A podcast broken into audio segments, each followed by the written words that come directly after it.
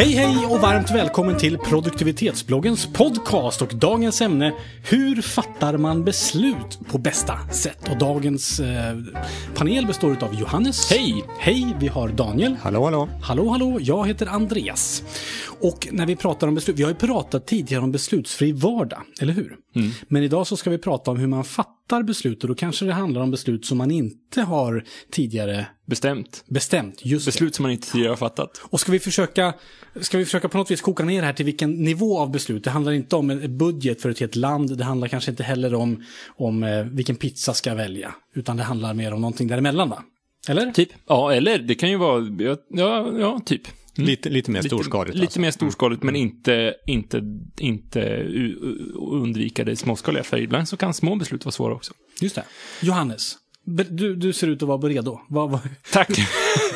hur fattar man beslut? Nej, men jag, jag har tänkt på det här lite grann för att, för att eh, ja, men ibland, ofta så ställs man för, inför beslut som man, inte, som man kan vara lite rådvill inför. Ja, men vad, vad ska, ska jag välja alternativ A eller B? Ska jag ta det här jobbet? Ska jag inte ta det här jobbet? Ska jag söka nytt jobb? Ska jag inte söka nytt jobb? Ska, ska vi åka till Italien eller ska vi åka till Polen? Ska vi, alltså, många beslut som, som oftast eh, är svåra att fatta.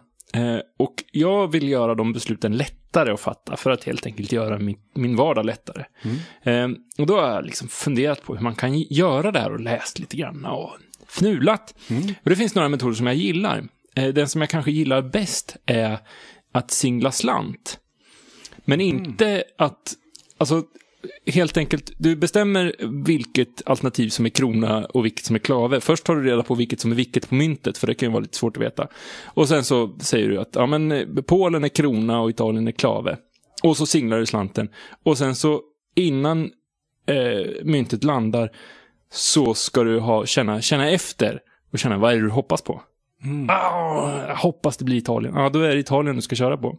Det är liksom som ett sätt att, att framkalla sitt undermed, undermedvetna. Jag har en kompis som körde på samma tema. Han signade slant och så, så fick han ett resultat. Och sen, sa han, sen så kände han på en gång att nej, jäklar. Nej, precis. Liksom så här. Och där fick han, det här, nu börjar vi prata om magkänsla snarare Ja. än att det här är beslut som är underbyggda, genomtänkta. Utan det är Och det här, här, det här funkar ju bara på beslut där du har två variabler. Ja, Eller precis. en variabel som kan ha två, två möjliga utfall. Man kan ju göra någon slags kupp. Alltså att så här, ja men eh, först ställer vi, ställer vi Italien mot Polen och i andra omgången så tar man vinnaren mot, ja. Eh, så. och jag ser det framför mig. Man kan ha om, just det, ja, jag glömde, förlåt. Ett, ett helt träd kan man ha. som helst. Men, men det är ju ett sätt att liksom, sätta magkänslan på spets. För ofta så, så går man omkring och har en magkänsla men man, man vågar inte liksom, sätta ner foten. Och då kan man ju säga att men nu singlar jag slant och bestämmer mig utifrån, utifrån slanten. Så att, mm. Och magkänslan är ju inte alltid helt dum heller. Alltså det, det finns ju en anledning till att man kan fatta bra beslut på det sättet. För att eh, det, det undermedvetna jobbar hela tiden med, med problemlösande egentligen.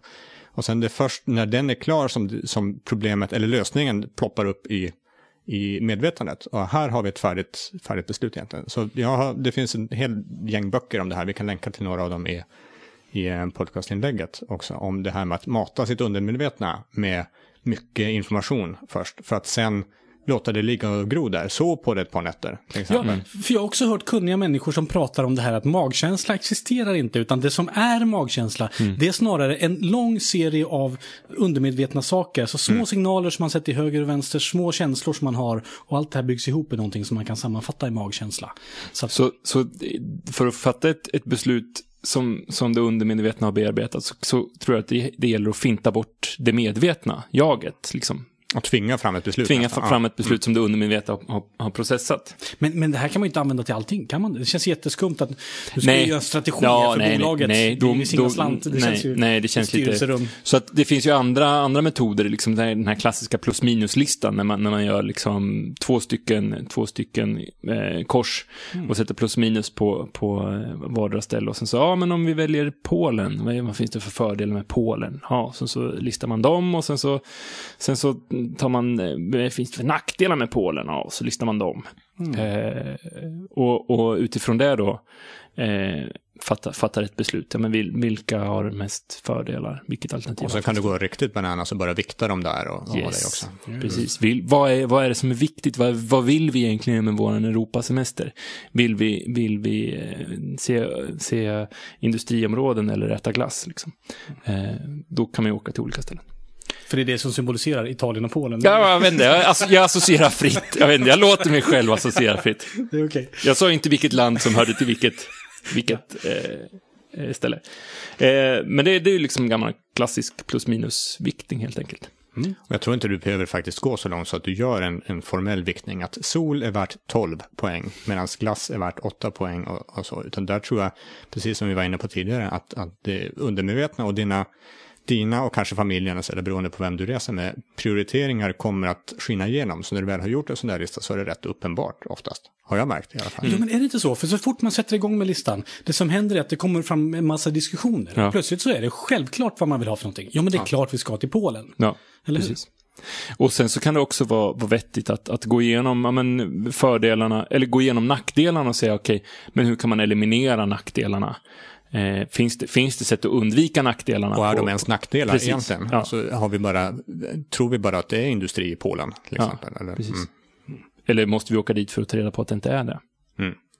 Ehm, Men sen så till det här också, det, det, så, så har jag hört någonstans att eh, hjärnan fixar bara att fatta beslut med maximalt sju faktorer. Eh, blir det fler faktorer än så som man måste, må, måste bearbeta så, så, så säger den, äh, skit väl i det här, säger hjärnan och går och lägger sig. Eh, så att om, om det finns möjlighet att begränsa antalet faktorer, att ja, men, men vi, vi eh, tittar bara på, liksom, om vi fortsätter med det här fantastiska semesterexemplet, ja, men vi tittar bara på valutakurs, eh, väderprognos och eh, ja, så väljer man sju, sju faktorer och så, och så bestämmer man utifrån det. Då kan man göra liksom ett rationellt val. Eh, men, men blir det 15 faktorer så finns, så finns det inga möjligheter att göra ett rationellt val för liksom det, blir, det blir för mycket helt enkelt. Så finns det möjlighet att begränsa liksom, antalet faktorer så, så är ju det bra. Just det. Annars får man koka ner i Excel, helt enkelt. Eller börja... Ja, precis. Härja. Ja, eller slå ihop faktorer och göra, göra det till, till en. Liksom. Men, men Just det som, ni, som ni märker så är det ju liksom antingen så, så kan man göra ett, ett gigantiskt Excel-ark eller så kan man singla slant. Det beror på hur, hur mycket, hur mycket men, geme- man men vill mycket gemensamt av, av de här sakerna, det är väl just det här med att man, man funderar på, ehm, vi, det spelar nästan ingen roll vilken man väljer, om du förstår vad jag menar. Ja, båda, båda kan Båda vara kan bra, vara bra, ja. men det är olika saker. Alltså, Det Italien, de- det är en grej, Polen, Ja. det är en annan grej, men båda kan vara kul. Det är ju de besluten som är svåra liksom. Ja, precis. För jag tänker, ibland kan det vara självklara saker att, ja, inte vet jag. Döden eller tårta, det är ganska, ja jag tar tårtan liksom så. Ja, precis. Eller ja. Men det är, det är väl kanske så enkelt att man ska helt enkelt bara få igång en dialog. Är det inte så man kan också sammanfatta det här med att ja, ska vi nu bygga eller renovera badrummet först eller ska vi renovera köket först till exempel? Ja, Mm. vilket tar vi först? Och så börjar man resonera kring det hela och det är egentligen diskussionen som sen leder fram till att det kommer bli ett bra beslut. Det är sällan man efter en sån diskussion fortfarande sitter ner, nej men vi vet fortfarande inte vad vi vill. Liksom. Nej, nej. Och är man så pass, har man kommit så pass långt, då handlar det kanske just om att singla slant. Ja, men då kanske det är, är väldigt likvärdiga alternativ liksom. Ja. Eller samla in mer data som gör att du faktiskt, eller data är kanske fel ord, men samla in mer information som gör att du kan, kan fatta ett bättre beslut. Jag läste någonstans, jag har ingen källa på det överhuvudtaget, så det är svårt att länka. Vi jobbar inte med källor på det här stället. Som, som pratar om det här med att, att skjuta upp beslut så länge du bara kan. Tills du faktiskt behöver fatta ett beslut, för du har alltid möjlighet att samla in mer, mer bakgrundsinfo, mer, få fler åsikter, få mer information, få mer, eh, mer tid att tänka på det här egentligen. Så att, så att skjuta upp så länge du bara kan. Jag gick en projektledarkurs en gång och på den här kursen så sa de så här att i början av projektet, då vet du ju nästan ingenting. Så det är dumt att ta massa beslut. Egentligen borde man ta alla beslut i slutet på projektet, för då vet man ju allting. Men det kan man ju inte alltid göra. Man måste ta ganska mycket beslut i början om hur man ska bygga saker eller vad man ska hitta på för någonting. Så skjut upp besluten så långt det går. Och det är ju egentligen av, av samma orsak där. Ja, eller, eller ta vaga beslut, kanske. Vi ska Ja, ha det. den här generella riktningen. Samtidigt så, så är jag en stark förespråkare för hellre ett dåligt beslut än inget beslut alls. Spring gärna åt något håll. Springer du lite snett, då kan du ändå justera det sen. I och för sig, det kanske är samma tema. Alltså det är så här fatta snabba dåliga beslut som du kan ändra. Det är, Ja, det, så länge man kan ändra det så är det ju, så Ja. är det ju Och korrigera. Fatta ett snabbt beslut. Korrigera. Mm. Liksom. Men där handlar det om att kunna och våga korrigera. Det är ju inte alla, alla företag eller alla miljöer där det faktiskt går att göra sådana saker. Nej, och det är klart att det finns beslut som är svåra att korrigera efteråt. Vi eh, byter namn på företaget, om vi nu pratar den nivån. Då, Den kanske ska vara lite mer genomtänkt. Men där kan man också komma så långt ner att, ah, kvittar om vi tar A eller B. Vad fasen, då kör man magkänslan liksom. Mm. Singlar man slant. Eller? Hörrni, vi ska försöka sammanfatta det här då. Vi, vi hade några enkla tips här på hur man fattar beslut på bästa sätt. Eh, vad har vi sagt? Eh, kör magkänslan, singla slant, eller så plus minus-lista. Jättebra tips, få igång eh, dialogen, diskussionen. Så på saken tycker jag är skitbra. Mm, använd undermedvetna så mycket som, som det bara går. Just det, precis. Och eh, därmed så hoppas vi att ni kan, eller du som lyssnar på det här, kan fatta bättre beslut. Och lyssna gärna på det tidigare avsnittet också, där vi pratar om hur du skaffar dig en beslutsfri vardag. För där har vi också varit inne lite grann på samma ämne. Slipper du gå omkring med en slant i fickan. Bara en sån sak. Vad bra, vad roligt. Och du som lyssnar på det här, ta ett snabbt beslut. Gå in på produktivitetsbloggen.se. Där finns det mer att läsa om beslutsfria vardagar och beslut i största allmänhet. Med oss idag hade vi Johannes, Daniel, jag heter Andreas. Tack för att du har lyssnat. Hej då!